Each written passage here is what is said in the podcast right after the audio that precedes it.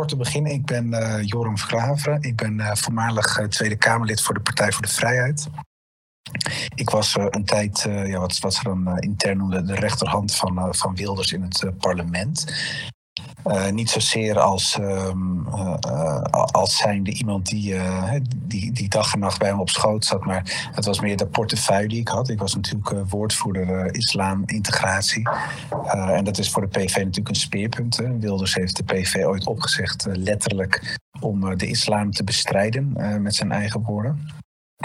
Uh, dus dat, het was wel een, uh, een belangrijke uh, portefeuille. En ik heb al met al vanaf 2005, 2006 in de politiek gezeten. Eerst in de gemeenteraad van Almere voor de VVD nog. later ben ik in het parlement gaan werken als beleidsmedewerker. Dus achter de schermen bij onderwijs, cultuur en wetenschap. En bij sociale zaken en werkgelegenheid.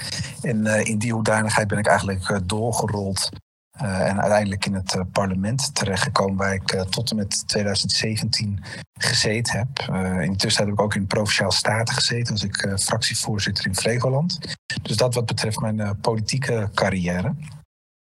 ik ben geboren in Amsterdam, 1979, dus alweer heel wat jaartjes terug. Um, in Amsterdam-West.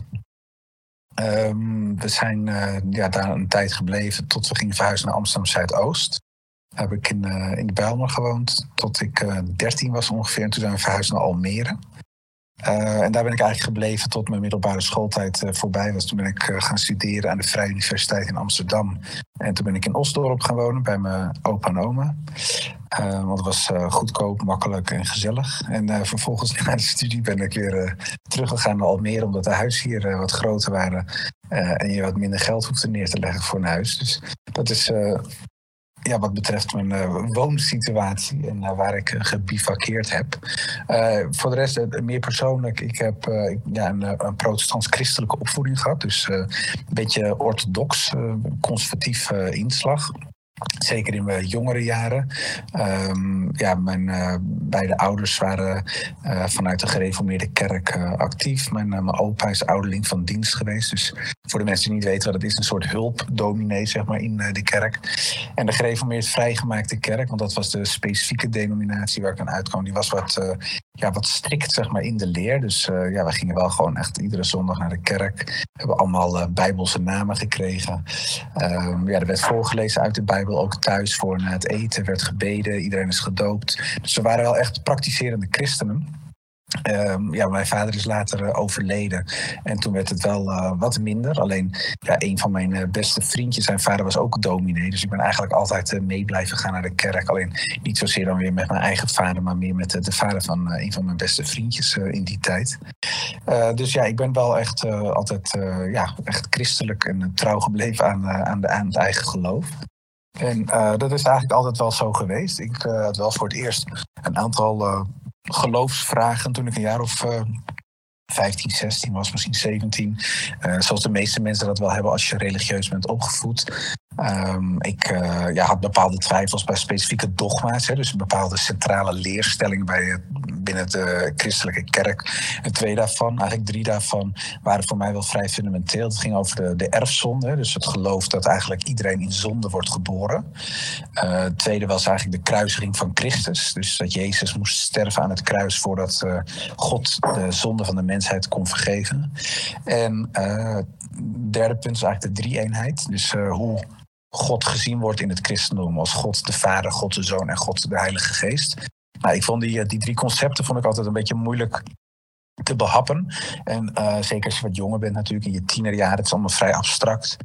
Uh, alleen ook toen ik wat ouder werd, zijn er altijd punten geweest waar die, die bleven knagen. Alleen op een gegeven moment had ik zoiets van, nou, ik, zit, ik schrijf dat terzijde en ik accepteer het gewoon. En uh, ja, er is mij door uh, verschillende zeg maar christelijke geleerden wel verteld. Uiteindelijk is het godsconcept een mysterie.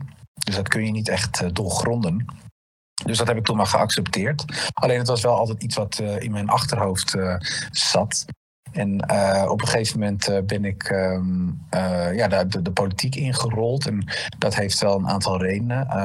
Eén, ja, gewoon zeg maar, de denominatie waar ik uitkom. De meeste mensen zitten meer in de SGP-hoek. Dus dat is zeg maar de orthodoxe christenen. die veel op de Bijbelbelt ziet in die hoek. En ja, ook vertegenwoordigd dus in de Tweede Kamer ook al sinds 1915, als ik me niet vergis. Het is de oudste politieke partij die onder dezelfde naam en onveranderd nog steeds in, in het parlement fungeert. Um, ja, ik ben uiteindelijk eh, in eerste instantie bij de VVD terechtgekomen. En dat uh, had te maken dat de ene helft dus SGP-minded was in de familie. De andere helft waren allemaal uh, ondernemers en handelsmensen. Dus ik zat er altijd een beetje tussenin. En omdat um, ja, Frits Bolkestein, dat is al een tijd terug voor de mensen die wat jonger zijn, die kennen hem misschien niet. Maar dat was eigenlijk een van de eerste ja, grote rechtse voormannen. Um, die, die heel expliciet de multiculturele samenleving en meer in het bijzonder de islam ter sprake brachten als een probleem. En dat sprak me heel erg aan in die tijd. Eén, uh, omdat ik uh, ja, uit een traditie kom die uh, van oudsher eigenlijk de islam ziet als een soort concurrent. En um, ja, als, je, als je wat dieper de theologie induikt van de kerk, dan zie je echt dat zij Mohammed, de profeet, vrees met hem zien als uh, als de antichrist. Uh, dus echt als een, uh, ja, het is echt een dwaalleer en eigenlijk is het van de duivel, zoals ze dat noemen, als het gaat om, om islam. Dus dat krijg je impliciet mee in, in, in de opvoeding. Dus dat vormt je natuurlijk wel. En de eerste dag dat ik naar de universiteit ging om te studeren, dat was 11 september 2001, dus dat was de dag van de aanslagen op de Twin Towers. Dus ja, ik had natuurlijk al een niet al te positief beeld. En dat werd toen bevestigd nou, niet veel later werd natuurlijk Theo van Gogh uh, ja, in, in de, de, buurt zeg maar, waar mijn uh, uh, familie actief was, nog steeds aan woonde, in, in, Oost en bij, ja, bij Muiderpoort, zeg maar, in Amsterdam. Vlak daarbij werd Theo van Gogh toen vermoord. ja, toen kreeg je allerlei aanslagen in Westland, Madrid, Londen, nou, noem alles maar op. Dus eigenlijk de ideeën die ik had, die werden constant bevestigd op de meest extreme en negatieve manier. En toen dacht ik, ja, wat, wat kunnen we doen om dit, eh, dit kwaad, eh, deze ideologie, die, eh, zo zag ik de islam toen echt bestrijden. Ja, dan kan ik het meest effectief is de politiek ingaan, omdat je daar dan natuurlijk wetten kunt maken om, ja, om ervoor te zorgen dat dit, dit, dit, kwaad, zoals we dat toen zagen, niet groeide dat ben ik toen gaan doen. Toen ben ik gaan kijken, wat is nou de meest anti-islampartij die we kennen in Nederland. En uh, ik was toen, zoals ik zei, actief bij de VVD. Maar dat was gewoon op lokaal niveau meer. Omdat we ons stoorden aan scheef zittende stoeptegels en dat soort dingen. Alleen uh, Frits Wolkenstein was destijds uh, net weg. Uh, toen had je Josias van Aartsen, dat was een wat linksere figuur, is de latere burgemeester van Den Haag ook geweest. En die kreeg ruzie met Geert Wilders over de toetreding van Turkije. Uh, over moet Turkije wel of niet bij de Europese Unie komen. Nou, het standpunt was altijd nee, want het hoort er niet bij, cultureel gezien niet, maar uh, vanwege islam, christendom, Europa en uh, de landen en regio's eromheen. En toen werd er ja, door de VVD op een gegeven moment een switch gemaakt. Toen zeiden ze, nou, misschien kan het toch. Toen Geert Wilders gezegd, nee, dat kan nooit, want ze zijn moslim. Het is een islamitisch land, et cetera. En toen uh, is hij zijn eigen club begonnen. Het was in het begin groep Wilders en uh, later de Partij voor de Vrijheid. En ik was in 2005, 2006 eigenlijk al betrokken op de achtergrond. Uh, omdat ik indirect Wilders uh, ook al kende vanuit de VVD dan. Maar ook vanuit de Edmund Burke Stichting. En dat was een wat conservatievere denktank in Den Haag van Bart-Jan Spruit. En dat is dan weer iemand van eigenlijk SGP-huizen. En die organiseerde af en toe lezingen en dergelijke. En daar was ik zeer van gecharmeerd. Dus ik uh, kwam heel snel in, de, in die hoek terecht. En uiteindelijk ben ik toen, uh, ja, heb ik mezelf uh, als het ware aangemeld. Geert Wilders was daar wel blij mee. En ik ben eigenlijk de PVV ingerold op die manier. En ja, actief geweest tot, tot 2014. En toen kregen we natuurlijk het minder minder debakel. En het was niet zozeer dat ik opeens de islam heel prachtig vond. Alleen, ja, het was niet dat ik iets had tegen de etniciteit van Marokkanen. Dus ik had, eh, ik had wel zoiets van, ja, oké, okay, de islam vind ik vreselijk... en waar de meeste moslims voor staan vind ik niet leuk. Alleen om nou te zeggen dat meteen alle Marokkanen niet deugen... dat, dat uh, was weer een stapje te ver. Ten meer omdat een deel van um, de mensen die bij de PV actief waren... ook Marokkaanse achtergrond hadden. En niet veel mensen weten dat. Alleen in den landen waren ook dus mensen actief ex-moslims of uh, christelijke Marokkanen, Joodse Marokkanen. Dus ik dacht, ja, om nou een Marokkaan af te wijzen vanwege het Marokkaans zijn, dat vond ik in die tijd uh, ook altijd ver gaan. Dus toen dacht ik van, nou ja, dat moet genuanceerd worden. Nou, Wilders die was daar uh, absoluut niet mee eens en die zei gewoon, dit is het standpunt. Alleen het vervelende was, ik was natuurlijk de woordvoerder op dat thema. Dus ik zei, ja, ik kan dat niet, ik kan het niet gaan verdedigen als ik er gewoon echt niks meer heb. Dus zodoende ja, raakten we eigenlijk een beetje gebrouilleerd en uiteindelijk ben ik de, de, club uitgestapt. En toen ben ik ehm, nog tot 2017 actief geweest in het parlement. Ehm, maar vanaf 2014 had ik eindelijk de tijd om, om, om ook een lang gekoesterde wens in vervulling te laten gaan. En dat was het schrijven van een anti-islam boek. Um, want we hebben natuurlijk al die jaren van alles geroepen bij de PVV. Overigens ook al toen ik bij de VVD actief was in de gemeenteraad. Dat uh, was ik toch ook al scherp op islam als ik daar nu aan terugdenk. Uh, en ik had toen de behoefte van, goh, kunnen we niet een, een, een, theoretisch boek presenteren... waarin we gewoon heel expliciet aangeven wat deugt er nu niet aan de islam... en waarom is het een gevaar voor Nederland, voor Europa en eigenlijk dus voor, voor de hele wereld. En in 2014 begon ik dus met dat boek. En dat heeft ongeveer tot en met 2018 eh, geduurd. Dus het is een heel uh, lange tijd. En het is niet dat ik daar constant uh, en consequent aan heb gezeten. Dat ging met, in, ja, in, in fases. De ene keer was ik heel actief. De andere keer lag het maanden stil. Alleen tijdens dat schrijven uh, merkte ik gewoon op een gegeven moment dat uh, de vragen, hè, die ik net in het begin noemde, daarom uh, benoemde ik ze expliciet even, weer omhoog kwamen. Dan gaat het over die theologische vragen van het christendom. Dus ik was natuurlijk bezig met het schrijven van een anti-islamboek, maar dan moet je dus ook spreken over hoe zien moslims en hoe ziet de islam God. Um, en dat relateerde ik natuurlijk aan het christendom. Want ik was uh, christen, ik kwam van christelijke huizen. Uh, ook politiek gezien er wordt er vaak gesteld. Nederland heeft een joods-christelijke cultuur. Dus dat was mijn basis. Dus dat, uh, ja, dat was het, het, het eikpunt ook. Alleen tijdens dat schrijven, toen zag ik dus eigenlijk dat godsconcept van de islam. En dat kende ik natuurlijk wel vanuit mijn studie. Alleen dat was meer een object. Hè? Bij godsdienstwetenschappen, de studie die ik dan gevolgd heb, uh, zie je uh, religie meer gewoon als een fenomeen. En daar kijk je daarna het bestuderen. Welke verschillende invalshoeken, historisch, sociaal, cultureel, uh, nou, noem alles maar op. Alleen nooit de, de waarheidsvraag kwam aan de orde. Dus dat is eigenlijk iets wat, wat die werd niet gesteld. En ik was nu natuurlijk bezig met, met mijn persoonlijke verhaal op te schrijven. En daar speelde die waarheidsvraag natuurlijk wel. Want ik had natuurlijk een, een christelijke levensovertuiging.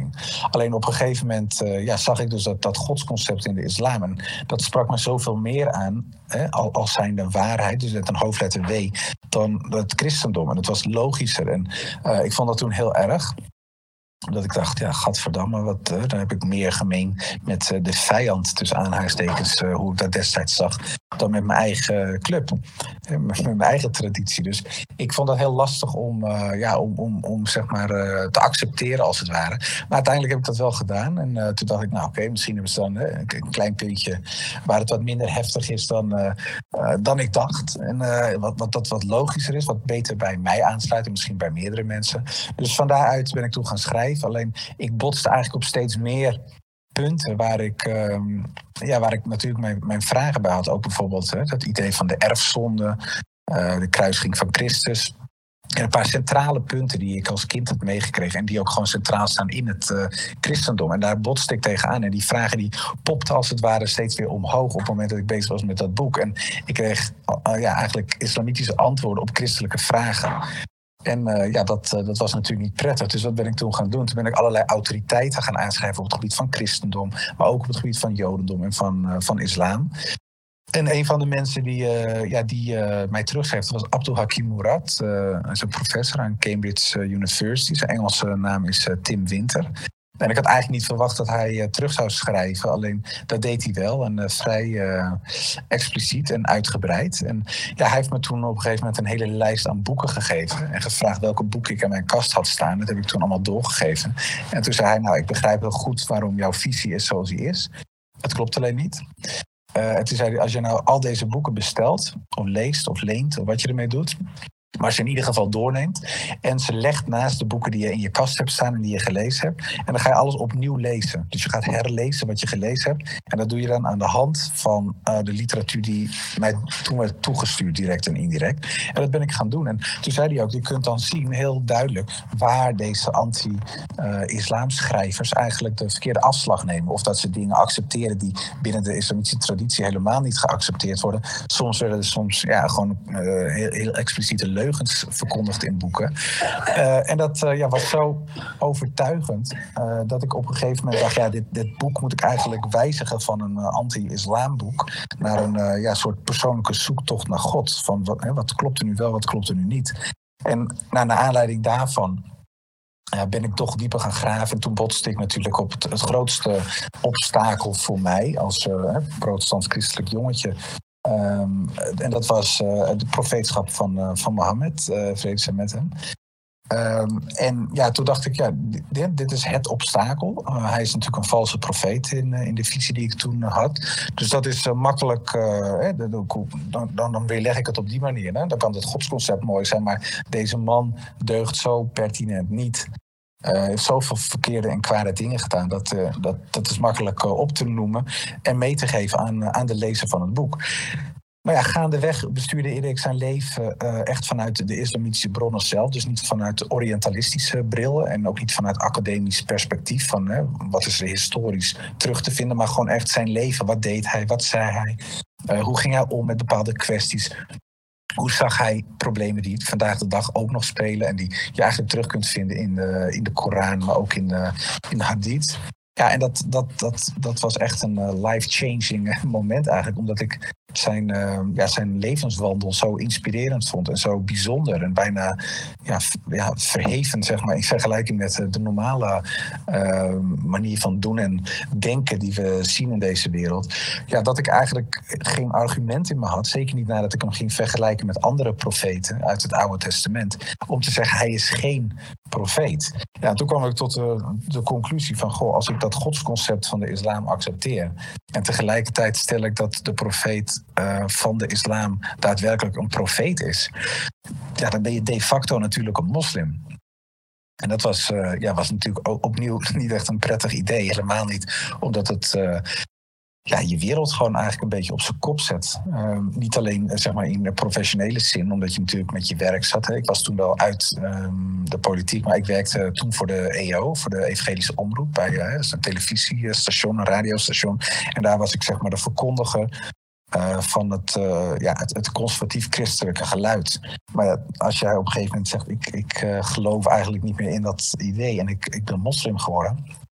Dan kan dat niet. Dus dat waren allemaal vragen die ook van tevoren speelden. En ook ja, naar mijn moeder toe en familie, vrienden, de, de, rest van de wereld. Het is ook een, beetje een ego-trip natuurlijk. Van, je staat natuurlijk mega voor, voor schut. Dat je, ja, dat je in, in totaal misschien tien jaar van je leven wijdt aan een extreem anti-geluid verkondigen. En dat je uiteindelijk tot de conclusie moet komen dat je het fout hebt. Ja, dat, dat is niet echt bevorderlijk zeg maar, voor, je, voor je ego.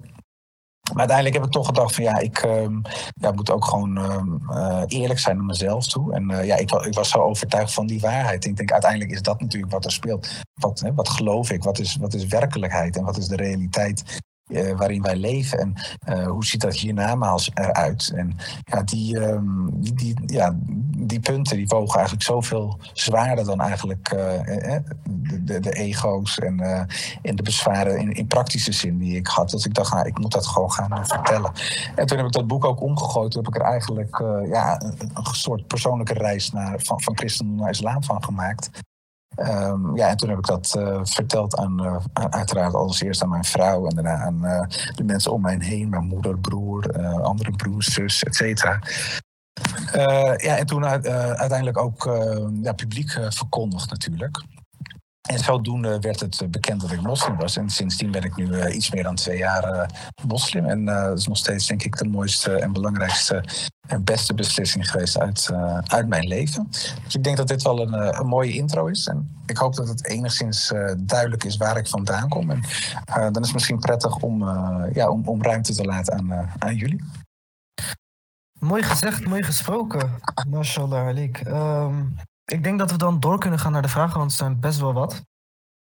ik hoop dat jullie nu ook een beter beeld hebben van Joram zelf. En wie hij nou eigenlijk echt is. Uh, dan zullen we doorgaan naar de eerste vraag. Uh, deze is door Harris gesteld. En de vraag luidt: welk advies geeft u mee aan niet-moslims die zich willen bekeren naar de islam, maar telkens blijven uitstellen?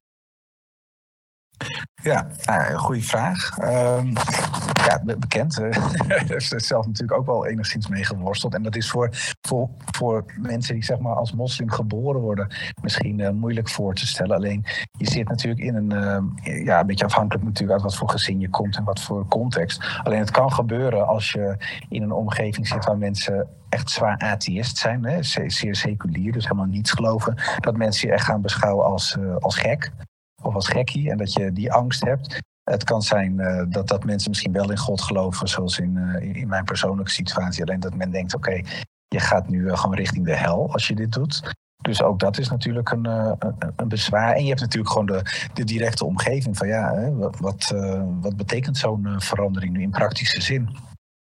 Alleen uiteindelijk, ja, wat, wat ik net ook al aangaf aan het einde van mijn inbreng. Het is gewoon uh, ja, een kwestie van waarheid en, en niet-waarheid. En als je echt daadwerkelijk overtuigd bent van datgene wat je, wat je, wat je hebt ondervonden. En blijkbaar is dat gevoel zo sterk van het over mensen die willen bekeren, uh, maar het niet doen. Dan denk ik uiteindelijk dat je gewoon de knoop moet doorhakken en moet kiezen voor, voor God. En dus ook voor, uh, in eerste instantie natuurlijk voor jezelf, voor je zielsbehoud. Uh, en, en, misschien ook voor je familie. Want op het moment dat jij die waarheid uh, hebt en, en, en, hem ook toont in jouw gedrag en je doen en laten. En hem ook kan verkondigen. Dan is dat misschien ook voor, voor de familie, de naaste familie, hoe ver ze er ook van af lijken te staan in het begin. Uiteindelijk toch misschien een eerste setje richting diezelfde waarheid. Dus ik, ik zou gewoon zeggen, doe het belangrijk, alleen eh, wel uh, met, met mate.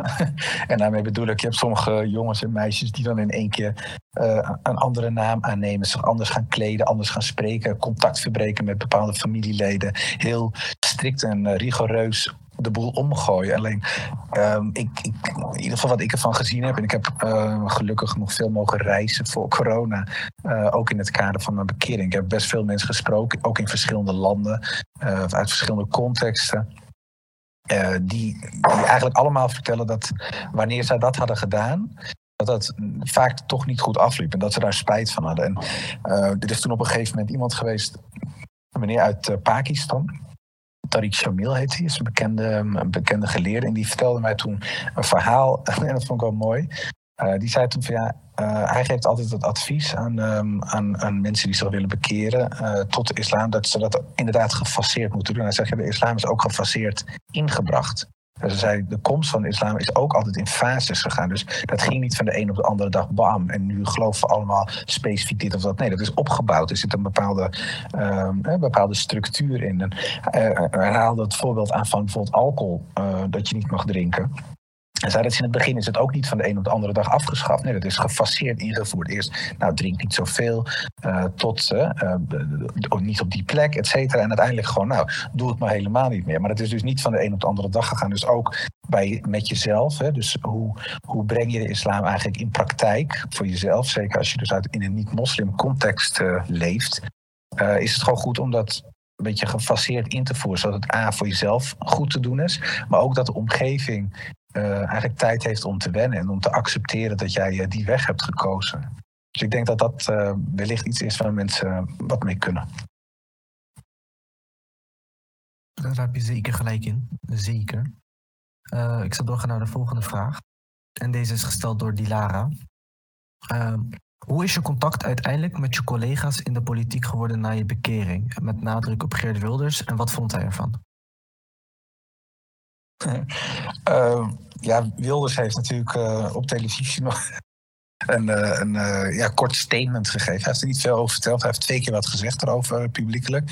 De eerste keer was op de dag dat het bekend werd. toen vroegen ze, goh, wat, wat vind je er nou van dat je, je, je, voormalige strijdmakker, Joram Verklaveren, moslim is geworden? En toen zei hij, ja, het is eigenlijk alsof een vegetariër in een slachthuis is gaan werken. Ik moest er toen wel om lachen. Ik denk, ja, het wel heel PVV uh, eh, gevonden, zo'n zo'n one-liner. Uh, dus dat, is, ja, dat was zeg maar zijn visie. En hij heeft later nog een keer bij Jensen, dat is een beetje die dikke blonde man die voorheen bij Veronica zit. Hij heeft nu volgens mij een YouTube-kanaal. die heeft ook een keer gevraagd van, hey, wat is er nou met die Van Klaveren gebeurd? En toen heeft Wilders ook gezegd van, ja, sommige mensen gaan in het leven van de duisternis naar het licht. En Joram is de andere kant op gegaan. En uh, toen hij daarop door wilde vragen, toen zei Wilders, nou, ik wil er niet meer over praten. dus die heeft, uh, die heeft er voor de rest niks over gezegd. Ik heb Wilders wel nog uh, indirect een keer gesproken. Ik, ik, stuurde hem altijd op zijn verjaardag, stuurde ik hem altijd een appje. Toen dacht ik op een gegeven moment, ja, moet ik daar nu mee stoppen? Toen dacht ik, nou, dat doe ik eigenlijk niet, op, opzettelijk niet. Ik denk, hè, ook als, als ik uiteindelijk die, die stap kan maken, wie ben ik om te zeggen dat hij dat niet kan? Dus ik dacht, ik hou gewoon altijd contact met hem, voor zover hij, hij, dat toelaat. Dus ik heb hem altijd berichtjes blijven sturen op zijn verjaardag. Hij heeft er nooit op geantwoord tot afgelopen jaar. En toen stuurde hij opeens uit het niets bedankt. Dus ik dacht, nou, er is blijkbaar weer contact. En ehm, het grappige is dat mijn zwager is uh, fotograaf. En die ehm, moest een week of vier, vijf geleden foto's maken in de Tweede Kamer. Of dat was, nee, iets langer geleden, was net voor de verkiezingen. Van alle um, fractievoorzitters in de Tweede Kamer. Eén daarvan was Wilders. En toen, heeft, uh, toen vroeg Wilders aan hem: van goh, waar kom je eigenlijk vandaan? En toen zei, uh, zei mijn zwager uit Almere. En toen zei hij: Oh. En toen zei hij: Ken je mensen in Almere dan? En toen zei, uh, zei mijn zwager: Hij zei ja ik ken ook wel iemand die jij kent. En toen zei hij, wie dan? Toen zei hij, Joram van zei wat dan? En toen zei hij dus, ja, dat is uh, de, de broer van mijn vrouw.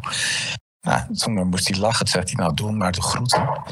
Uh, en toen zei hij het wel bij mij, zeg maar wel dat ik niet met hem eens ben of zo opeens. dus dat was op zich wel grappig. Maar ik heb dus met, met Wilders geen echt persoonlijk contact meer gehad. Behalve dat ene appje waar ik antwoord op kreeg. En indirect via mijn zwager die hem een keer op de foto heeft gezet. Ja, hij voor de heel veel andere collega's binnen de PVV. Uh, ja, die, die, uh, die durf je niet eens maar aan te kijken. Die, die, die beschouw je echt als uh, zijnde dood. Sommige mensen hebben dat ook wel expliciet gezegd. Van ik kan echt niet meer met je omgaan. Ik wil niet meer in één ruimte met je zijn. dus dat is wel, ja, was wel heftig. aan de andere kant, ja, ook niet, ook niet onverwacht of zo. Ik, bedoel, ik, zat, ik zat er zelf net zo geharnast in als die mensen er nu nog in zitten.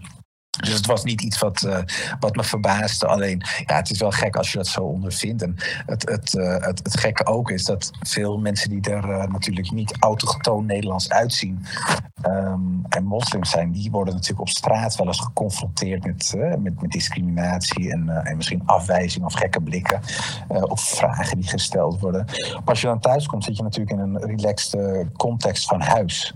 Alleen dat is met bekeerlingen vaak uh, andersom. In ieder geval dat heb ik wel zo ervaren. Dat als je op straat loopt en, en mensen kennen mij niet. En uh, ja, toevallig in mijn stad kennen de meeste mensen wel. Maar als ik, weet ik veel, in Zutphen rondloop of zo, weet niemand wie ik ben.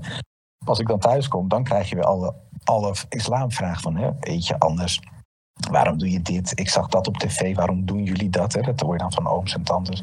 Dus daar heb je een soort, uh, ja, een soort discriminatiegevoel als je in je eigen huis of je eigen context komt. En dat, is wel, uh, ja, dat was wel een soort eye-opener voor mij. Uh, dus, ja, dus, dus wat betreft het, het, het, contact met collega's en vrienden, dat is voor een groot deel is dat, ja, is dat helemaal weg. In ieder geval de mensen die ik destijds kende en waar ik toen mee werkte. sommige mensen hebben dat dus bewust verbroken. Anderen, ja, die, dat is gewoon verwaterd, omdat je gewoon eigenlijk niks meer hebt wat, wat je bindt. maar ik moet zeggen dat er ook enkele collega's nog steeds contact hebben onderhouden houden. En uh, dat gaat, uh, gaat, uh, ja, gaat wel goed. Alleen dat is wel echt een, een minderheid. Oké, okay, mooi gezegd. Ja, ik hoop nog alle en alle leiden op het rechte pad. Amen. Amen. en dan zal ik doorgaan naar de volgende vraag. deze is gesteld door Oes. En hij zegt: Wat zijn de twee zaken die het, u het meest hebben geïntrigeerd tijdens uw ontdekkingsreis naar de islam? Geïntrigeerd, sorry.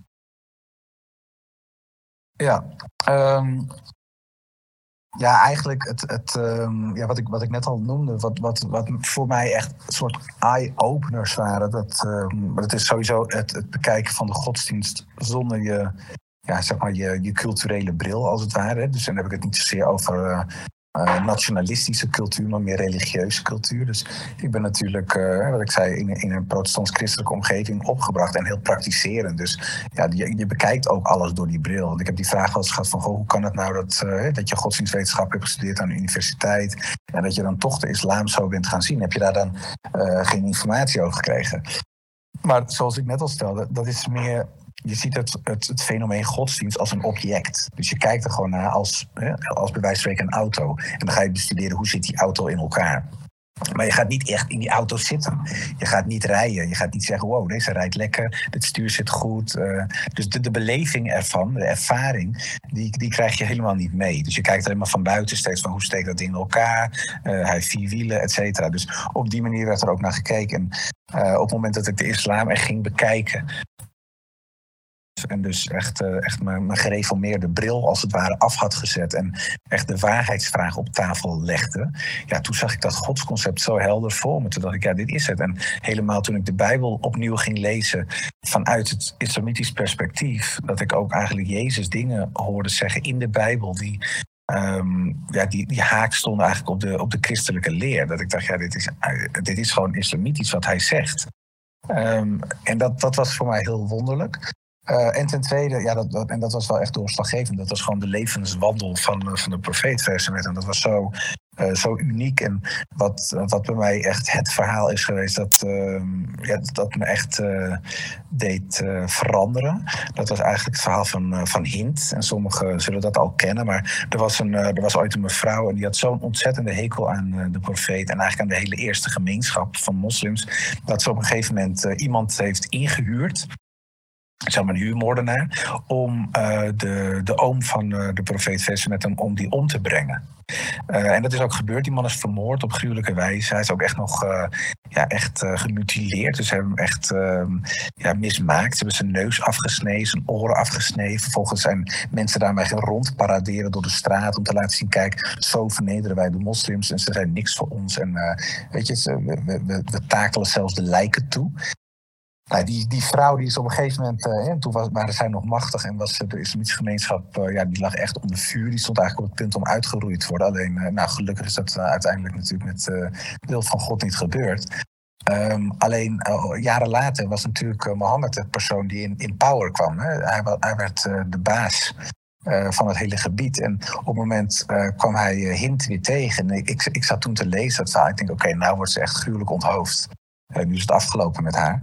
Alleen dat gebeurde niet. En uh, hij, hij, verwelkomde haar eigenlijk. Hij zei welkom. En uh, zij is zelfs later bekeerd, bekeerd tot de islam. En toen dacht ik, ja, iemand die in staat is die, om, om iemand te vergeven die een van je lievelingsfamilieleden vermoordt. En dan ook nog op zo'n gruwelijke wijze toetakelt. Dat je die dan jaren later zo ja, eigenlijk verheven kunt vergeven. dat, dat je dat terzijde schrijft en dat je iemand verwelkomt in je eigen groep dat, dan, dan ben je een hele hoop, maar dan ben je geen antichrist. Uh, en dan heb je gewoon een heel hoog en, en, en uh, moreel verheven karakter. En die twee punten, dus dat godsconcept en, um, ja, en, en eigenlijk de Soena, de, de praktijk van, uh, van de profeet, die hebben mij uiteindelijk overtuigd. Oké, okay. um, volgende vraag. deze hoef je niet per se te antwoorden, het, is best wel persoonlijk, het zijn twee persoonlijke vragen. Maar ik ga ze toch stellen. Um, want je vertelde dat je een vrouw had. Uh, deze vraag is bij de gesteld door Luger. Uh, je vertelde net dat je een vrouw had. Hoe ging zij ermee om toen jij moslim werd? En de vraag daarna is: hoe kijk je naar je bekering tegen PVV'ers en hun standpunten aan? En op welke politieke partijen heb je de afgelopen verkiezingen gestemd en waarom? Ja, dat zijn heel veel vragen. um, Uh, ja, ik heb nog steeds een vrouw trouwens, want het werd in de verleden tijd gesteld. Dus ik ben niet gescheiden opeens, uh, om het uh, duidelijk te hebben. Nee, mijn vrouw ging eigenlijk heel goed mee om. Ze, ze, zag natuurlijk ook al een beetje aankomen wat er gebeurde. Ik had natuurlijk een hele hoop boeken steeds op de, de schrijftafel liggen. Dat begon met een boek dat heet Eindstrijd. En het is een boek waar onder andere Hans Jansen, professor Hans Jansen, inschrijft. Dat is een oud Arabist, hij is inmiddels overleden. Hij is ook nog Europarlementariër geweest, ook voor de PVV. Ehm, maar die heeft, uh, dat is eigenlijk de initiator geweest van het boek Eindtijd. Er verschillende essays, ook van Ashan Elian en een aantal andere mensen die echt heel kritisch zijn naar de islam. Uh, daar begon ik mee. En uh, ja, aan het einde van uh, de boekenreeks, daar, lag een boek dat heette Islam, The Misunderstood Religion. Dus ja, er was natuurlijk wel het een en ander veranderd. En dat zag mijn, mijn vrouw ook. Dus die, ja, die zag dat wel aankomen. Alleen die is eigenlijk altijd heel begripvol geweest. Die heeft gewoon gezegd, nou ja, als dit is, zeg maar, jouw, jouw pad is, dan sta ik daar sta ik daarachter. En zij was überhaupt nooit echt heel erg blij met het feit dat ik bij de PVV zat. Dus dat was voor haar niet een, een bezwaar. Uh, overigens moet ik zeggen, hoor, veel mensen in mijn familie niet. Die waren meer, uh, ja, zeg maar wat ik net al aangaf, SGP, CDA-minded. Met uh, een aantal wel hoor, die PVV stemden en misschien nog steeds stemmen. Maar mijn vrouw niet. Dus ja, nee, die, die is altijd heel supportive geweest en nog steeds gelukkig. ze is ook wel blij. Ze, ze vindt me zelfs geduldiger. dus dat is, dat is positief en wat vriendelijker geworden in de omgang. dus dat is een, een goed punt. Uh, wat ik van de standpunten van, van PVV'ers vind uh, tegenwoordig, ja, ja ik, deel, ik deel die standpunten natuurlijk uh, absoluut niet. En waar ik ze kan weerleggen, zal ik dat zeker doen. Daarom probeer ik ook veel uh, lezingen te geven. En um, ja, om, om af en toe ook publiekelijk aan te geven van wat, wat er niet deugt aan die standpunten. Dat er heel veel raakvlakken zijn en dat er echt een wonderlijke geschiedenis is tussen het Westen en de islam. Ook, ook moslims uh, zien dat vaak uh, ja, niet helemaal. En dat is wel jammer, want het is zo uh, uniek als je die geschiedenis induikt om te zien wat een enorme band er bestaat eigenlijk tussen het Westen en, en islam. En dat is ook logisch natuurlijk, hè, want de islam is natuurlijk een universele godsdienst. Het is voor de hele mensheid. Is niet alleen voor de zittende en huidige moslims. Het is bedoeld dat de hele Beni Adam, zeg maar, hè, alle kinderen van Adam, het volk van Adam, dat die, ja, dat die uiteindelijk uh, mogen delen in het geluk van de islam. Dus het is, het is ook bedoeld voor alle volkeren overal ter wereld. En je ziet, als je kijkt naar de wereldgeschiedenis, ook echt wel een beetje de voorzienigheid terug. Waarin je gewoon ziet dat die, die, die universele boodschap overal ter wereld verkondigd moet gaan worden. Maar ja, ik, ik deel die, de visie van de PV natuurlijk niet meer. En alleen, ja, ik ben natuurlijk de laatste die, die heel expliciet anti um, beleid kan gaan voeren als het gaat om personen die bij de PV zitten. Ik, was zelf natuurlijk echt een exponent van die club. Uh, ja, en ik, ik heb ja, gelukkig het, licht mogen zien. Maar ja, je weet natuurlijk niet of dat bij anderen ook ooit zo zal zijn. Dus ik, ik hoop dat. En ik ben niet zo van de school dat ik echt heel erg fel tekeer gaat tegen mensen. Alleen ja, wel tegen ideeën. Alleen ja, wel altijd met in het achterhoofd. Je weet niet. Misschien dat eh, hij of zij ook ooit zijn, zijn visie verandert. En dan hoeft hij niet eens natuurlijk moslim te worden. Het zou mooi zijn. voor hem persoonlijk natuurlijk en voor de gemeenschap. Maar als dat niet zo is en überhaupt komt hij tot, tot inzicht dat het allemaal wat anders in elkaar steekt. Dan zou dat al mooi zijn. En als het gaat om uh, waar heb ik op gestemd. Ja, ik had een aantal volmachten afgelopen keer. Dus ik heb op een aantal partijen kunnen stemmen. Omdat sommige mensen in mijn omgeving zeiden: Ik weet het niet meer. Ik vind het allemaal op elkaar lijken. Of ik vind het één grote zooi. Doe maar wat. Dus ik heb toen uh, ik heb op de Libertarische Partij gestemd. En dat is een, uh, ja, een partij die eigenlijk uh, zo min mogelijk overheidsinvloed wil. Uh, en ik denk dat heb ik gedaan persoonlijk, omdat ik dacht, ja, ik vind de, de wijze waarop de Nederlandse overheid zich op dit moment manifesteert en de rol die het zich aanmeet, Zeker ten aanzien van de islam vind ik heel zorgwekkend. Als je kijkt naar de vrijheid van onderwijs die heel erg ingeperkt uh, wordt. De discussie is of we dat hele grondwetsartikel niet moeten schrappen of wijzigen. Uh, nou, dat raakt voor een heel groot deel natuurlijk aan de vrijheid van moslims om scholen te stichten. Maar ook het, uh, het, verbod op ritueel geslacht vlees, wat natuurlijk heel beperkt is. En je ziet nu dat er vanuit het Europese Hof een beslissing is genomen dat er een verbod door kan worden gevoerd, gewoon uniebreed. Dus dat is wel zorgelijk. Maar ook uh, het uh, niqab-verbod, het verbod op gezichtsbedekkende kleding. Dat is ook iets natuurlijk waar je natuurlijk de, de vrijheid van de moslim, even los van of je die voor of tegen die burka of niqab bent, maar het feit dat je die vrijheid ontneemt om mensen zich te laten kleden zoals zij dat willen vanuit hun levensovertuiging, vind ik zorgelijk. Uh, dan heb je natuurlijk nog de POCOP, hè, dus de, ja, zeg maar de, het, verbod dat men wil op de buitenlandse financiering van moskeeën. Die geldt niet voor politieke partijen of voor andere denominaties. Uh, dus dat vind ik zorgelijk. En de discussie die nu uh, gevoerd gaat worden over jongensbesnijdenis, of dat wel of niet verboden moet gaan worden. Nou, die vijf grote vraagstukken, dat zijn echt zaken die raken aan, aan grondrechten. En ik zie bijna bij alle partijen, van links tot rechts, in meer en mindere mate, dat zij daar om verschillende redenen in meegaan. En ehm, ja, dan is mijn grootste zorg is dan eigenlijk gewoon de invloed van de overheid op het persoonlijk leven van de mensen. Dus waar ik die invloed zou kunnen afremmen, uh, dan doe ik dat graag. En de, de, partij die nooit überhaupt een zetel gaat halen waarschijnlijk, dat is de Libertarische Partij. En daarnaast heb ik nog volmacht en eentje heb ik aan Denk gegeven, eentje heb ik aan uh, NIDA gegeven. Dus dat zijn uh, de partijen die ik op dat moment gesteund heb. Mooi om te horen. Um, Even kijken hoor. Uh, deze vraag is ingestuurd door Niet in Gebruik. Uh, de vraag luidt: Tot in hoever is de islam gestigmatiseerd binnen een politieke partij als de PVV? Uh, en waar is uw afkeer tegen de islam begonnen op basis van het feit dat u een boek tegen de islam wilde schrijven? Um, ik, dat eerste deel van de vraag, um, kan dat een beetje toegelicht worden? Want dat begrijp ik niet helemaal. Ik zou het zelf ook niet weten. Ik, ik lees het op. Uh, maar ja, het, tot in hoeverre is de islam gestigmatiseerd binnen een politieke partij als de PVV? Oké, nou, ik, ik, hoop dat ik uh, het op zo'n manier beantwoord dat ik recht doe aan de vraag. Ehm, nou ja, natuurlijk wordt de, de, de, PVV, die stigmatiseert enorm de islam. Um, zelfs op zo'n manier dat je eigenlijk ook wordt aangeraden bepaalde boeken te lezen die al anti-islam zijn. Ehm, en de PSV, wat ik in het begin al zei, hij is echt opgericht, die partij, om de islam te bestrijden. Dat is gewoon het centrale punt.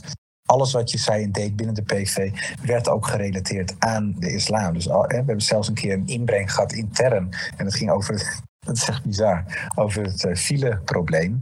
En daar werd toen ook de islam nog bijgesleept. En dat, dat ging zo ver dat, dat er gewoon mensen waren aan tafel in de PV die zeiden: Oké, dit slaat gewoon echt nergens meer op. Maar dat was intern. Dus toen dacht ik: Oké, dat gaat wel heel ver. Weet je, dus eh, dat, er zit, zo'n anti-islam-vibe in dat alles echt op het bordje zeg maar, van de islam wordt uh, gekieperd. Ja, dat het eigenlijk gewoon op geen enkele manier ook niet, als je licht kritisch bent, dat doet gewoon geen recht meer aan de werkelijkheid. Ehm, en verder, je ziet dat ook bijvoorbeeld bij selectie, de selectieprocedures. Als je bij de PV actief wilt worden, dan zijn er een aantal vragen die gesteld worden voordat je überhaupt in aanmerking komt voor een gesprek. En de allerbelangrijkste vraag is: wat is jouw visie op de islam? En dan vragen ze dat en dan willen ze ook dat je er uit jezelf wat over vertelt. En dan willen ze niet een soort opgelepeld verhaaltje hebben van oké, hij heeft wat spreekteksten gehoord van Geert Wilders. Of hij heeft hier en daar een boekje gelezen. Nee, ze willen echt zien en horen of het echt uit je hart komt. En dan worden er soms wel eens wedervragen gesteld. En als jij anti-islam genoeg bent, dan kom je in aanmerking voor de volgende ronde. Dus op die manier, ja, dat klinkt heel gek, maar zuiveren ze eigenlijk ook zeg maar uh, de, de vijver waar ze uit putten. Dus de selectieprocedure is, echt, is ook echt afgestemd op anti-islam figuren. Dus dit zijn ook de mensen die uiteindelijk binnenkomen op de plekken die, uh, die gevuld moeten worden in gemeenteraden, provinciale staten, Eerste Tweede Kamer, Europees Parlement, et cetera. Uh, ja, dus en voor de rest, het is, uh, ja, men, men ziet de, de, de de islam ook echt als een kwaad. Het is niet gespeeld. Het is echt het, het idee van het is een, uh, een, kracht in de wereld die, uh, ja, die staat voor eigenlijk alles wat slecht is. Dus ja, dat willen ze bestrijden. En dat is niet, uh, het is geen toneelstukje. En ja, wat ik in het begin al heb aangegeven, bij mij had dat te maken met enerzijds de opvoeding. En het is niet zozeer dat mijn ouders me nou hebben meegegeven, je moet een hekel aan moslims hebben of aan de islam. Alleen het is wel uh, een punt als je de theologie induikt in de boeken van de grote geleerden uit de traditie waar ik uitkwam. En ja, ik was toevallig een beetje een nerd wat dat betreft. Ik vond dat interessant. Dus dat las ik.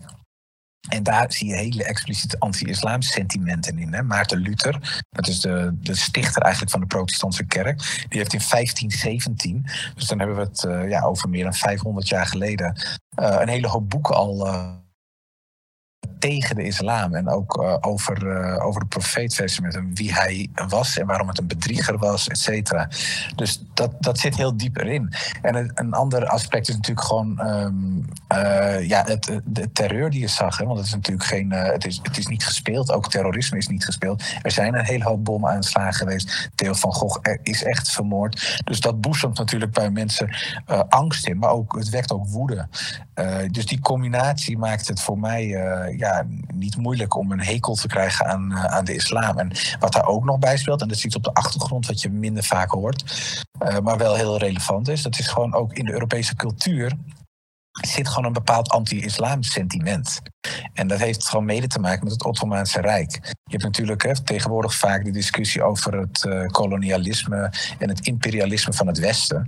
En het is zeker zo, dat, dat heeft natuurlijk bestaan, en misschien tot op zekere hoogte nog steeds. Alleen uh, datzelfde gevoel, dat hebben met name Oost-Europese landen en ook een aantal Westerse landen nog uh, gehad bij het Ottomaanse Rijk. Want het Ottomaanse Rijk, het, het oude Turkije, toen het nog een kalifaat was, was het supermachtig, heel sterk, heel militair, heel erg gericht ook op expansie, dus op uitbreiding. Dus wat deden zij? Zij breiden hun gebied uit Europa in. Dus landen als Roemenië, Hongarije, Bulgarije, Griekenland, nou, noem alles maar op. Die zijn ooit allemaal uh, onderdaan geweest, of eigenlijk opgeslokt als het ware, door het Ottomaanse Rijk. Dus de mensen daar die je spreekt, en ik heb ook in de PV-tijd veel mensen uit Oost-Europa gesproken die heel anti-islam waren, die koppelden dat altijd aan Turkije. Die zeiden, ja, Turkije, dat zijn moslims. En zij hebben ons overheerst. De islam staat voor overheersing, voor, verschrikkelijke dingen. Dus dat sentiment zit heel diep. En dat zie je ook nog terug. Hè. In 1683 heb je een hele bekende veldslag gehad. Dat heet uh, de Slag bij Wenen. Je hebt ook een website, een grote anti-islam website, heet Gates of Vienna. Nou, dat, heet, dat gaat over de poort van Wenen. Nou, in 1683 is een van de laatste grote strijden uh, geweest, grote battles, zeg maar, tussen het christelijke Westen en het islamitische Oosten, Turkije in dit geval, het Ottomaanse Rijk. En dat won het Westen.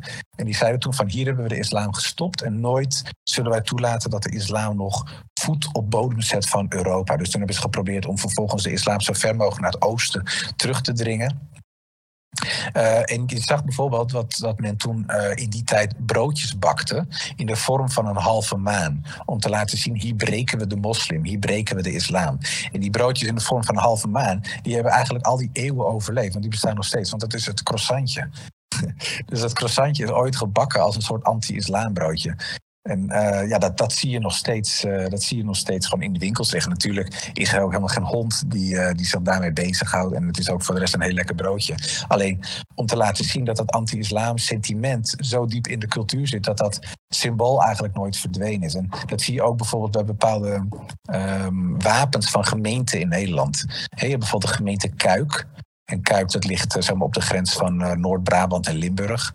Maar ook bijvoorbeeld Bergen in Noord-Holland. En nou, zo zijn er nog een aantal uh, gemeenten die hebben een merlet in hun wapen staan. En een merlet is eigenlijk een eend met een afgeknipte snavel en afgeknipte voetjes.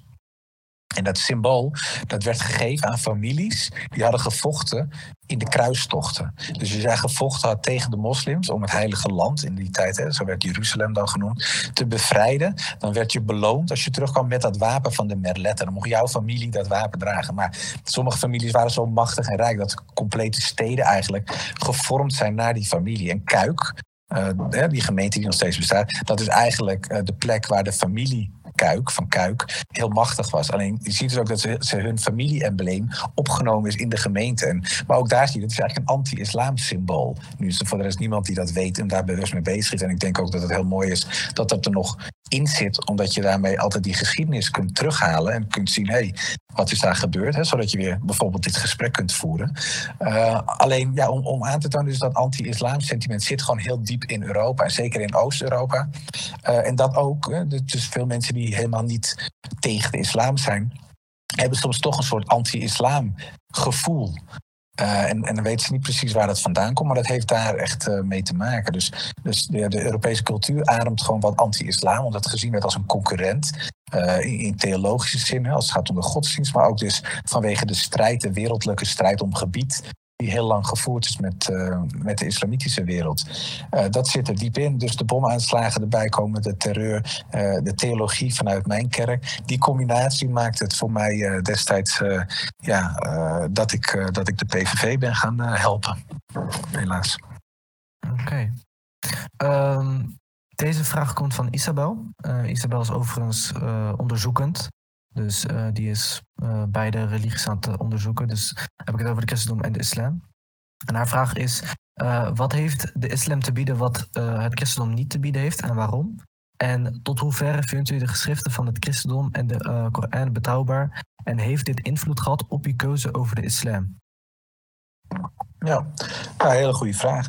Um, nou ja, kijk, er zijn natuurlijk heel veel overeenkomsten tussen het christendom en de islam. Vooral als het gaat over de moraal. Hè. Als je echt praktiserend uh, christen bent, wijkt dat in uh, heel veel gevallen niet zozeer af van uh, praktiserende moslims. Hè. Het is natuurlijk de bedoeling dat je de waarheid spreekt, dat je je netjes kleedt, dat je een beetje bescheiden bent, dat je je best doet, dat je hard werkt, dat je vriendelijk bent, dat je, dat je bepaalde uh, excessieve gedragingen niet toont. Hè, op het gebied van seks bijvoorbeeld, of op het gebied van geweld, of uh, vloeken en dat soort zaken. Dus die, die, die basic moraal, hè, de alledaagse moraal, zeg maar, die zie je natuurlijk in beide religies terugkomen. Ik denk dat dat iets heel goeds is.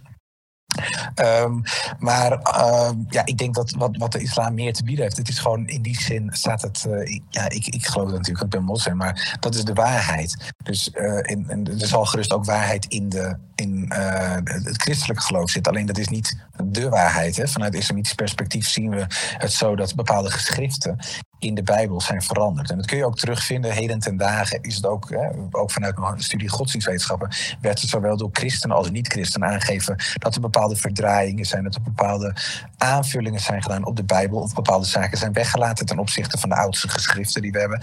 En dat maakt zeg maar het boek, de Bijbel, ehm, minder betrouwbaar dan, ehm, ja, dan, dan de Koran. Je kunt eh, bij de Koran heel erg expliciet terugzien, heel makkelijk traceren. Waar komen die geschriften vandaan? Wie heeft het geschreven? Op welke manier is het geschreven? Welke mensen hebben zich daarmee bemoeid? En bij de, ehm, bij de Bijbel is dat heel ondoorzichtig, zeker bij het Nieuwe Testament omdat als je kijkt bijvoorbeeld naar de, hè, de eerste drie evangeliën, dat zijn voor de mensen die dat niet weten, de eerste drie boeken, hè, want de Bijbel bestaat eigenlijk uit meerdere boeken, maar de eerste drie boeken in het Nieuwe Testament, zeg maar deel 2 van de Bijbel, over het christendom. Hè. Het eerste deel is het Oude Testament, dat gaat over de Joden en over de schepping. En het tweede deel gaat eigenlijk vanaf de geboorte van Christus tot wat daarna gebeurde.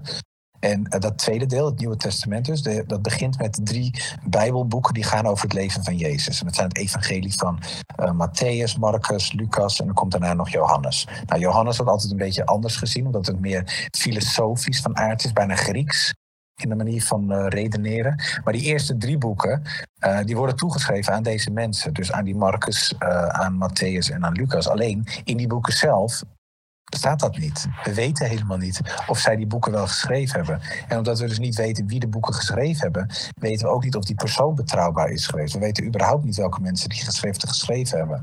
En als je dan ook kijkt naar de geschriften die we nu nog hebben, in de, in, gewoon in de boekenkast staan. En we vergelijken dat met de oudst gevonden teksten, complete Bijbelteksten.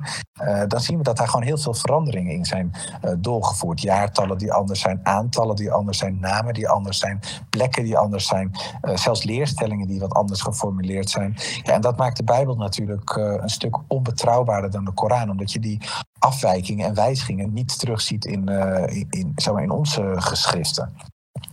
Dus dat, dat ten aanzien van die schrift. En is dat belangrijk? Ja, heel erg belangrijk natuurlijk. Omdat je hè, bijvoorbeeld die drie-eenheid die je kan noemen, die vind je niet terug in de Bijbel. Er staat nergens God is drie.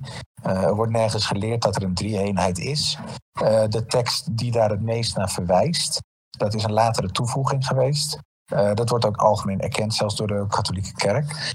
Uh, dus ja, dat is natuurlijk wel gek dat een van de meest fundamentele leerstellingen, hè, dus God bestaat uit Vader, Zoon, Heilige Geest, dat die niet terug te vinden is in de Bijbel zelf. En dat uh, het instituut, de moederkerk als het ware, de Rooms-Katholieke, dat ook erkent.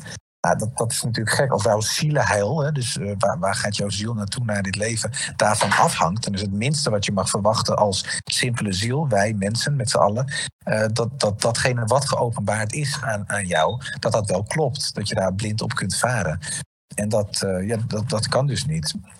En ja, wat, wat, wat heeft de islam nog meer te bieden ten opzichte van het christendom? Wat ik heel erg mooi vind, is dat je de, de praxis, hè, dus de, de daadwerkelijke beleving van de godsdienst, vind je gewoon veel explicieter elke dag terug in je eigen leven. Kijk, het feit dat we vijf keer per dag bidden, betekent dat je minimaal vijf keer per dag even herinnerd wordt aan het feit er is een schepper. En jij bent een schepsel. En dat constant, dat wordt constant eigenlijk wordt je meegegeven van hey, en hoe dien je te gedragen? Als je echt maar de Surah al-Fatiha, als je dat doorleest en je kijkt echt uh, wat daar staat en je denkt daar ook bij na tijdens het bidden, dan, ja, dan word je eigenlijk in herinnering gebracht hoe je, hoe je dient te leven. Dat je hè, onderworpen bent aan de wil van God en dat je, dat je als je het beste wil voor de mensheid en voor jezelf, dat je dat pad uh, zou moeten bewandelen. Dus uh, ik, ik vind dat heel erg mooi. Dus ja, gewoon de, de, de doorleving van de godsdienst. Het is waarheidsgetrouw. Uh, en ik denk gewoon in praktische zin, maar dat is even los nu van de geschriften. Als je gewoon kijkt naar het Westen nu. En je vergelijkt dat zeg maar met de islam, zoals je die terug kunt vinden gewoon in de, in de boeken. Dan heb je de drie G's, noem ik dat altijd, God, gezin en gemeenschap. En die staan zo centraal in de islam. En dat zijn echt zaken die in het Westen zijn verdwenen. Uh, of nog steeds aan het verdwijnen zijn. En ik denk dat het een slechte zaak is. Oké. Uh, Isabel, ik hoop dat dit uh, je vraag heeft beantwoord. Want uh, zij is echt zoekend. Ik hoop dat dit weer een soort van steentje heeft bijgedragen aan haar. Ehm, ik heb een vraag van Daniel. En hij zegt... uit uw overigens fantastisch boek Afvallige blijkt dat u vele knip- en plakversies van Sora's heeft onderzocht en als gevolg daarvan achter de daadwerkelijke betekenis slash context van deze Sora's kwam. hierbij heeft de reactie van Abdul Hakim Mourad u geprikkeld om opnieuw te kijken. Uh, niet alle anti-islamitische individuen zouden deze moeite doen om opnieuw te kijken naar deze sora's. Wat was uw drijfveer om op, toch opnieuw te kijken naar deze sora's? En wat was uw reactie op het feit dat u en vele andere voormalig anti-islamitische individuen verkeerd zitten slash zaten? Ja, een mooie vraag. Ehm, wat, wat mij geprikkeld Ja, ik, ik wilde gewoon dat mijn boek, mijn boek zou kloppen. Ik was bezig met het schrijven van het boek. Ik dacht, ja, ik wil niet dat er fouten in staan. Want je wordt natuurlijk gefileerd. Um, als er, als er allerlei zaken in staan die niet kloppen. En omdat ik gewoon op een gegeven moment aanliep tegen, um, ja, tegen bepaalde um, stukken uit boeken die in anti-islamkringen, zeker in de PV, altijd naar voren worden gebracht in discussies. En ik zal één voorbeeldje noemen. Je hebt een, uh, een bekend verhaal dat gaat over Gaibar. Eh, een bekende veldslag, waarbij uh, de Joodse uh, gemeenschap in gevecht was met de islamitische gemeenschap. En dan hebben het echt over eeuwen en eeuwen terug. Um, en dan zien we dat bijvoorbeeld in de Siraat, hè, dat is zeg maar de, de biografie van de profeet, wordt geschreven over. En Ibn Ishaq, dat is de schrijver van die van, de, van die biografie. Er zijn er meer hoor. Er zijn een aantal die uh, biografie hebben geschreven. Maar Ibn Ishaq is de bekendste. En in die biografie zien we dan ook dat, dat uh, die veldslag wordt beschreven. En er wordt dan gezegd dat er 6 tot 900 Joden werden onthoofd. En dat mensen tot hun knieën in het bloed liepen, et cetera. Nou, dat verhaal zien we heel vaak terugkomen in anti-islam literatuur. Er wordt gezegd, kijk maar, dit is uit de islamitische bronnen. Ze zeggen het zelf, hier ze zijn allemaal antisemitische haten Joden. Ze vinden het prachtig om ze te onthoofden, et cetera toen ik dat boek aan het lezen was, toen zag ik dus, uh, want je kan ook in dat boek zelf kijken waar komt dat verhaal weer vandaan. En als je dan ziet dat de bron voor dat verhaal er eigenlijk niet is, uh, dat vond ik opvallend. Dus wat ben ik toen gaan doen? Toen ik gaan checken, hoe komt dat verhaal daar nou in? Wat klopt er nou specifiek van dat verhaal?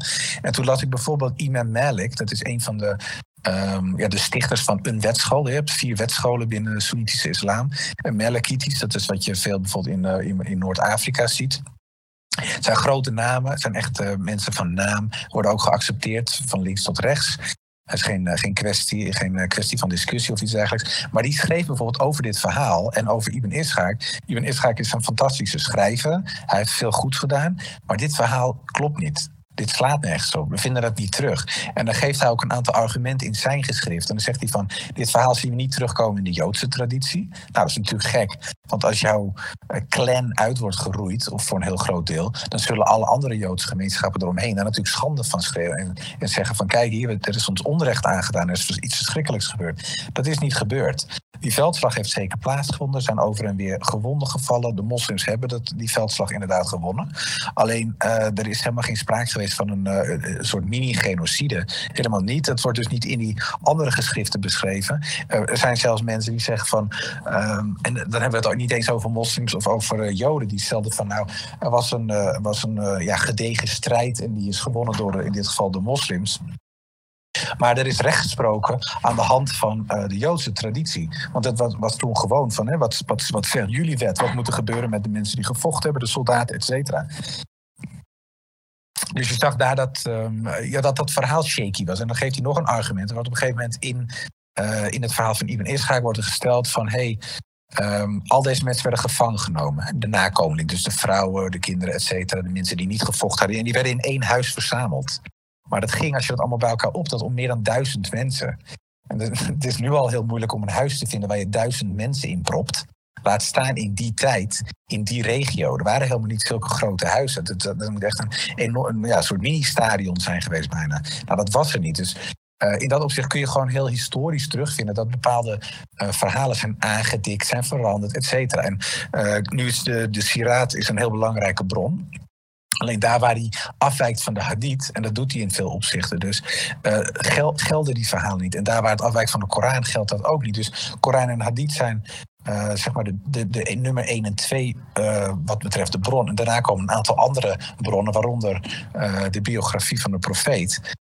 Alleen ja, dus, dus op die verhalen, en, en zo zijn er tientallen te vinden, niet zozeer in, uh, in Ibn Ishaq, maar gewoon door de anti-islam literatuur heen, die je dan kunt terugkoppelen naar islamitische literatuur. En als je dan echt gaat zoeken en graven om te zien waar komen die verhalen nu vandaan, dan is het 9 van de 10 keer of dat ze überhaupt niet bestaan, dat er gewoon iemand is die het verzonnen heeft, of dat het anders is gegaan, of dat het verdraaid is, of dat het een volksfabel is. En als je dan de, de traditionele historische islam zuivert eigenlijk van de cultuur en je kijkt gewoon, goh, wat zeggen de eigen bronnen nu werkelijk? Ja, dan zie je gewoon een, eh, een heel mooi, stevig, compact verhaal. Wat, ehm, ja, wat, wat eigenlijk nauwelijks, uh, iets, iets, iets, uh, wat, nauwelijks iets tegen in te brengen is. En dat maakt het, dat maakt het verhaal zo sterk. Dat, dat het soms wel eens verkeerd wordt uitgelicht of niet wordt nageleefd. Dat is natuurlijk een ander verhaal, dat klopt ook. Alleen ja, gewoon de, de islam zelf, de godsdienst zoals die geopenbaard is, is, ja, is prachtig. En daar kunnen volgens mij weinig mensen echt iets tegen hebben.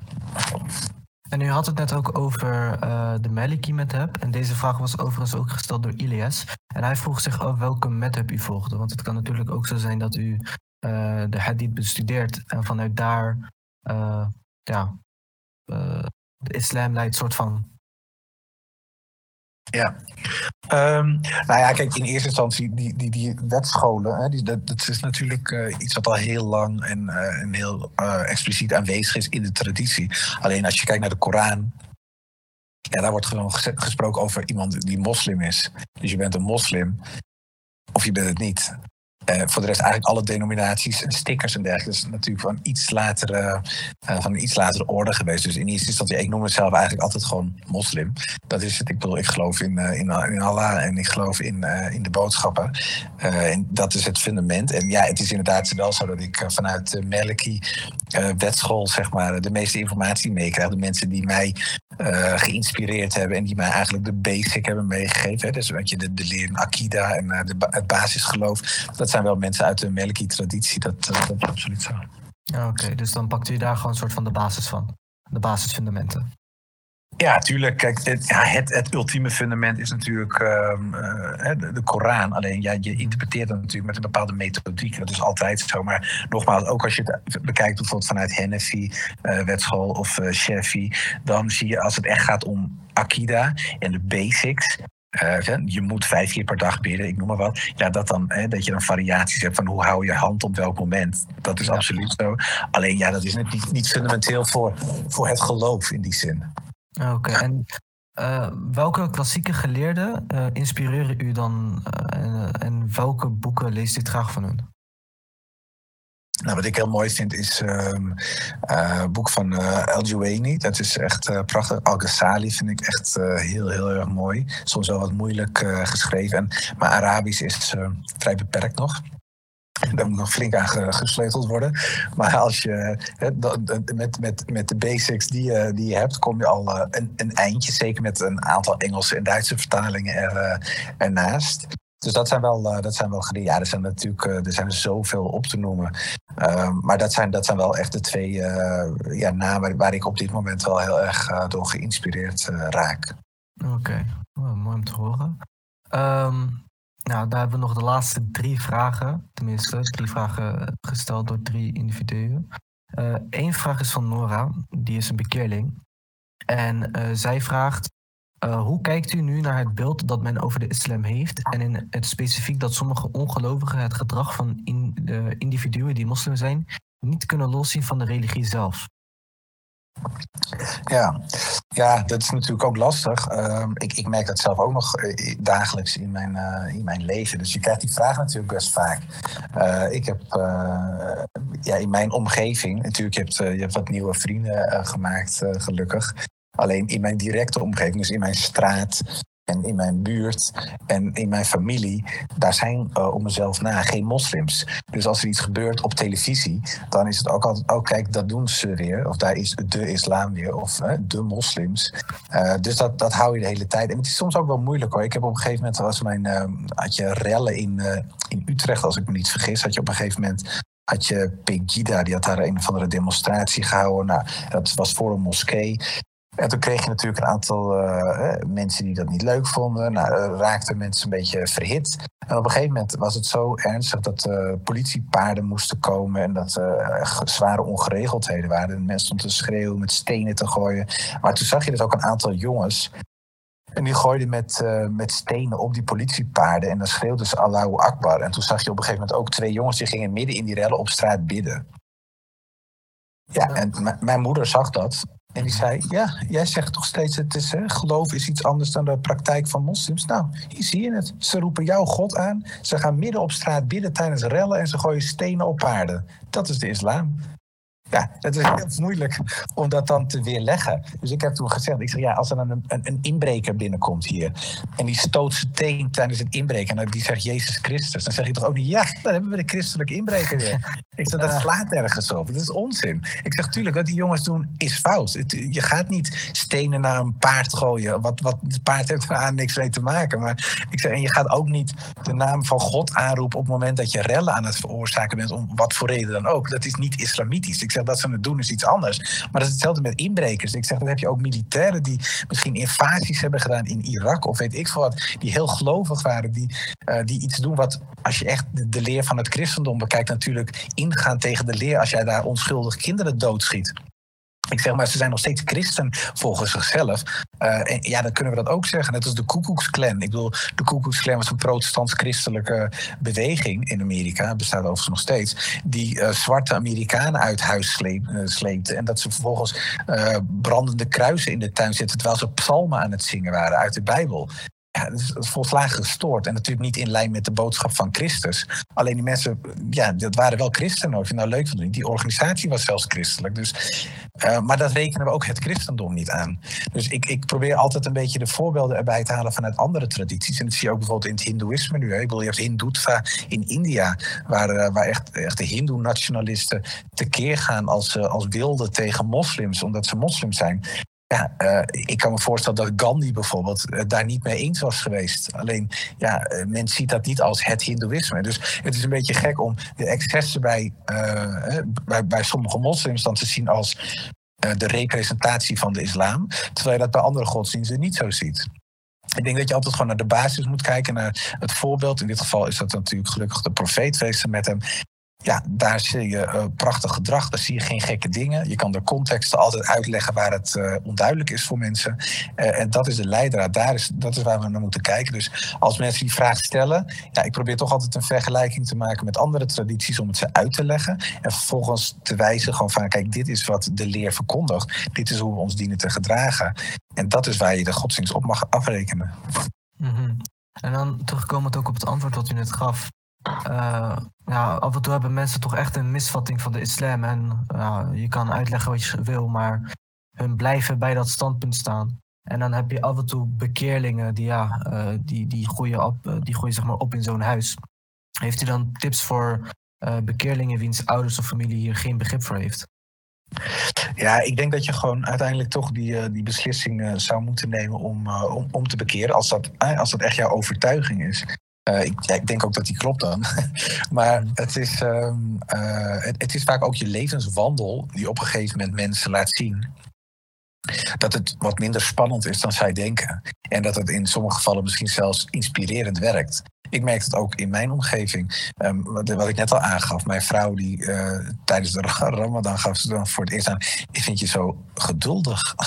En toen zei ze, dat was je nooit. En uh, net toen ik net bekeerd was, na een maand of uh, vier, vijf, toen zeiden zowel mijn moeder als mijn vrouw, onafhankelijk van elkaar, ik vind je eigenlijk liever als moslim dan als christen. En mijn moeder zei er wel meteen bij, dat neemt niet weg dat ik het nog steeds verschrikkelijk vind. Maar toen zei ze, dat is wel wat ik constateer. En ik denk dat, dat maakt mensen ook mild. Op een gegeven moment, als zij zien dat jij er als persoon op vooruit gaat, en dat heeft, of ze dat nou leuk vinden of niet, ook impact op de omgeving. Als je voorheen bijvoorbeeld een beetje heet gebakerd bent en je wordt daadwerkelijk rustiger. En voorheen was je misschien wat, uh, wat nors en je wordt opeens een stuk vriendelijker. Dat zien mensen. En als mensen dan vragen wat is er gebeurd, ja, het eerste waar ze toch aan denken, er is een verandering geweest. Je bent van godsdienst veranderd, je bent, hè, je bent moslim geworden. Misschien is daar een link. En als jij dat ook nog eens bevestigt, ja, dan kunnen ze daar moeilijk problemen mee hebben. Dan kunnen ze het nog steeds verschrikkelijk vinden. Alleen ze zien in de praktijk gewoon dat het positief uitpakt. En dat is, dat is eigenlijk toch het, het moeilijkste. Dat zie je vaak ook, hè, want we kunnen natuurlijk babbelen wat we willen en boeken vol schrijven. Maar het meest krachtige vorm van dawa, dat is toch echt je gedrag. Want als jij gewoon heel vriendelijk bent en je, je leeft echt de sunnah voor, je, het juiste handelen, het juiste spreken, et cetera. Dat, dat is zo inspirerend voor mensen. Een mooi voorbeeld daarvan is bijvoorbeeld Indonesië, het grootste moslimland ter wereld. Je hoort vaak het verhaal toch van er is strijd geweest uh, als de islam ergens kwam. Geldt overigens voor andere godsdiensten ook. Als het christendom ergens kwam, was het vaak nog wat bloediger. Maar er, is natuurlijk veld, er zijn veldslagen geweest. Het ging niet zozeer om de religie, maar het ging vaak gewoon om het territorium te veroveren. Nou, daar heb je gedoe gehad. Maar Indonesië, en ik vind dat altijd mooi, want het is natuurlijk het grootste moslimland ter wereld nog steeds. Uh, Indonesië is bekeerd uh, er, is, er is niemand geweest, niet eens met een zakmesje die daar tekeer is gegaan. Uh, wat je daar zag, is dat mensen zo geïnspireerd raakten door de levenswijze van de handelaren die daar kwamen, moslims, dat de plaatselijke bevolking zei: dit is zo mooi, dat willen wij ook. We willen ook wat jullie hebben. En toen hebben ze dat uitgelegd. En toen zijn die mensen zijn echt massaal moslim geworden. En dat is puur gewoon vanwege het gedrag. Mensen hebben niet eens dawa gedaan als het ware. Ze hebben gewoon geleefd zoals ze horen te leven. En alleen dat was al zo inspirerend. Dat we heden ten dagen dus een land hebben, Indonesië... waar uh, ja, de, de grootste moslimgroep ter wereld woont. En die zijn allemaal, als je historisch gaat bekijken, bekeerd uh, door het gedrag van de, van, de, van de eerste moslims die daar kwamen. Dat waren gewoon handelaren die voornamelijk met zichzelf bezig waren. Alleen ja, dat werkte al zo inspirerend dat men uiteindelijk overging tot de islam. Oké. Uh, nou, dat, dat waren alle vragen eigenlijk. Um, nu wil ik eigenlijk aan u iets vragen wat uh, met u overigens heeft te maken. Ik heb natuurlijk ook een beetje onderzoek gedaan voordat ik begon met ja, met het soort van interviewen. En ik had gezien dat u een soort van project heeft opgezet genaamd de Islam Experience. Uh, zou je daar wat over kunnen vertellen? Uh, ja, tuurlijk. Uh, Islam Experience Center, dat is inderdaad hebben we ongeveer een jaar geleden opgericht. Um, ja, wat we doen eigenlijk mede vanwege, vanuit het idee zeg maar, dat er een hele hoop misvatting bestaat ten aanzien van de islam, wilden we iets, iets moois doen, iets, ja, iets, iets nieuws als het ware, om toch zeg maar, de, de boodschap over te brengen. Dus het is een stukje dawa, maar het is ook gewoon met name voor niet-moslims uitleg geven van in historische zin heel basic, heel, heel, heel beknopt als het ware.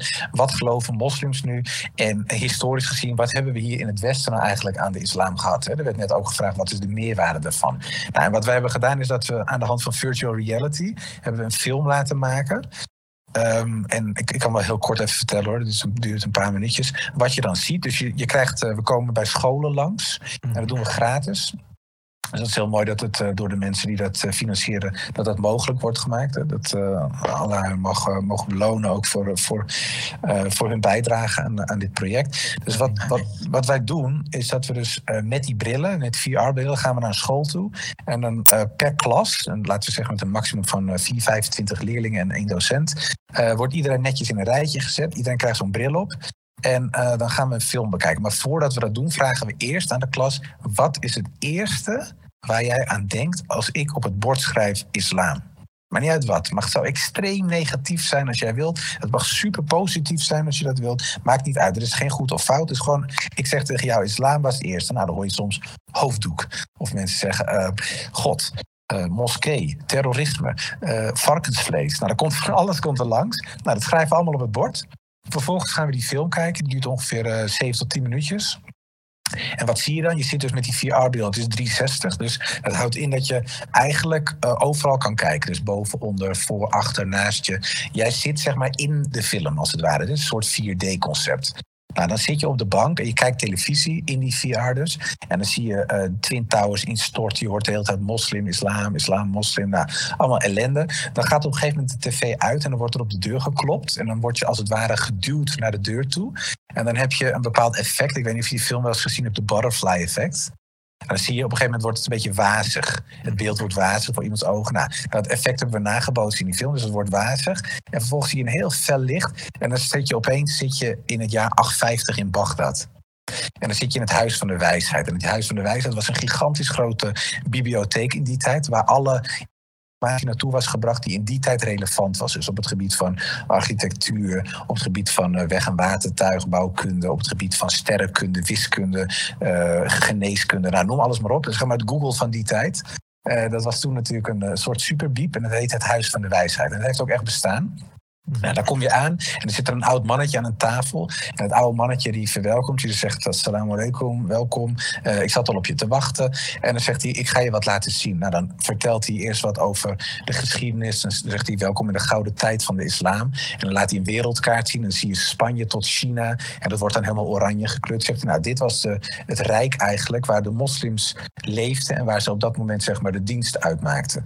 Nou, dan vertelt hij wat deden ze daar, uh, wat hebben we gezien. Uh, nou, dan vertelt hij een beetje over de uitvindingen die je hebt uh, gedaan. Daar, daar wordt van alles uiteengezet. Je ziet een Koran, die wordt dan opengeslagen. Dan zie je eigenlijk zo'n hologram komt hij omhoog. Dus het is heel mooi om te zien. Dan vertelt hij eigenlijk heel basic van wat geloven moslims nu?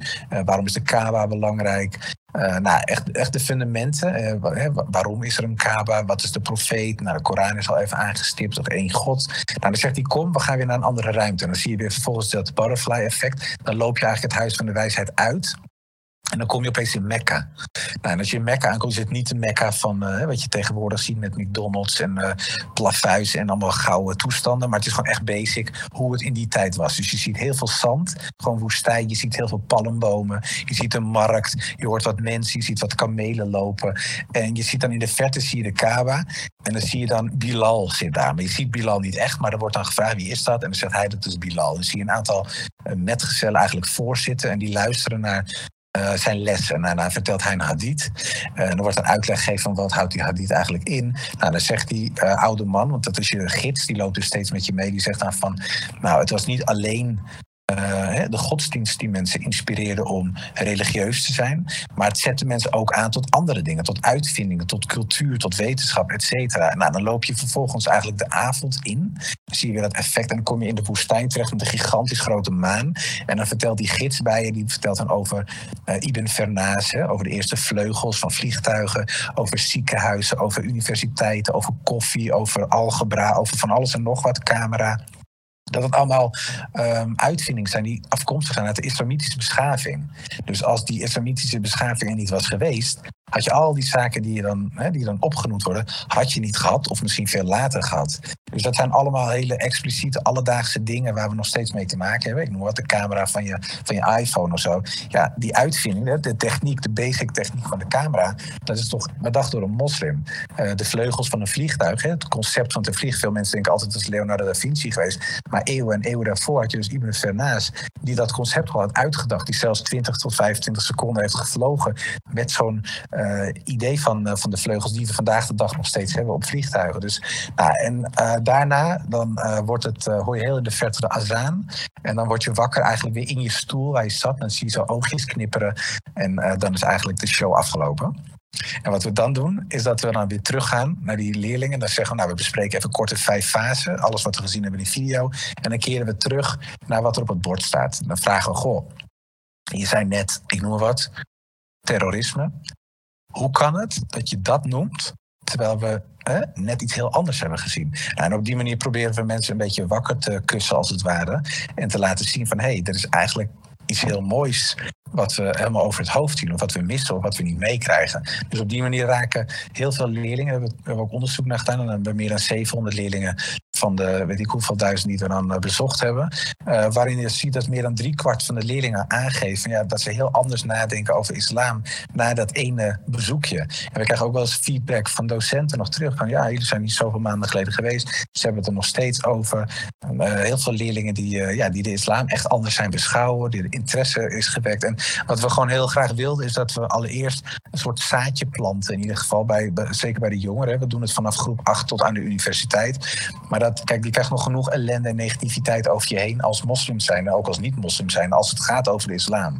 En wat wij hebben gedaan nu is dat we in ieder geval zeggen, nou, er is in ieder geval één moment, of dat het eerste moment is of misschien later, waarbij er een hele positieve associatie zal zijn met de islam, die ook nog klopt die uh, inspirerend is voor, uh, voor moslims en niet-moslims, die ervoor zorgt dat er een stukje geschiedenis wordt meegegeven. Heel klein beetje basic geloof van hè, wat, wat vinden moslims nu. Zodat ze altijd kunnen terugkeren, al, al komt er van alles verschrikkelijks op het pad. Dat ze altijd denken, hé, hey, dat was ook iets moois. Dus die associatie zit dan gewoon diep in het hart.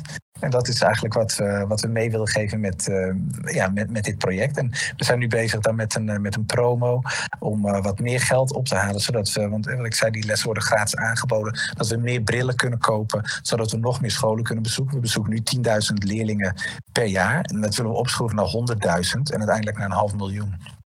Mm -hmm. Ik vind, het een, uh, ik vind het een mooi initiatief. Ook vooral deze tijd is dat mooi gedaan met uh, toch virtual reality. Want zoals ja. ik uh, net aan jou vertelde, toen we een privégesprek aan het voeren waren. veel jongeren zijn niet echt die hebben niet echt de, de, de nut om op te staan en naar een moskee te gaan en te vragen over de islam. Dus zo kom je eigenlijk islam naar hun toe brengen op een leuke manier.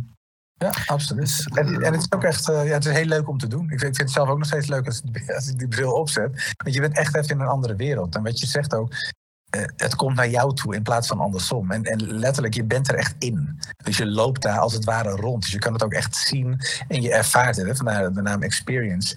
En dat heeft gewoon, uh, ja, het, is, het, heeft toch echt impact. En dat is, uh, dat is uiteindelijk natuurlijk wat je wil hebben. En het is, het is ook leuk om te doen. Absoluut. Nou, ik vind het echt uh, mooi gedaan.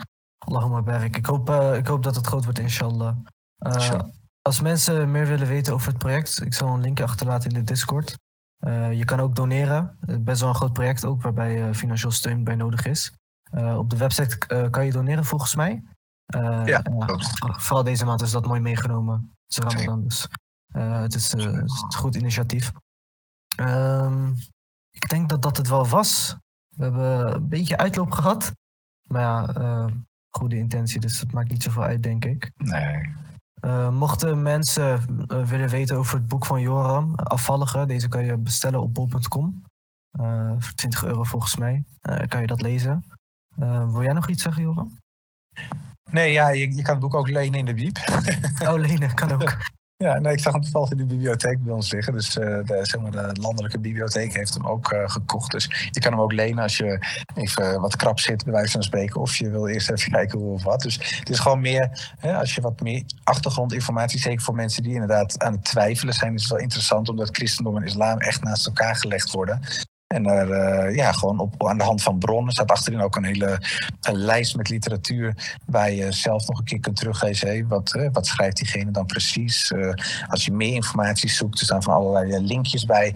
Dus als je echt op zoek bent, is het, is het misschien wel mooi meegenomen om het boek eens door te nemen. En voor de rest wens ik alle moslims nog mooie laatste dagen dat het maar een gezegende maand mag zijn geweest en mag worden nog, uh, die laatste dagen. En voor alle niet-moslims uh, hartelijk, hartelijk, bedankt voor het luisteren. Ik hoop dat het uh, inspirerend was. Bedankt voor het komen ook, Joran. Ja, ja, nogmaals dank voor de uitnodiging en fijne avond nog. Assalamu alaikum. Alaikum salam.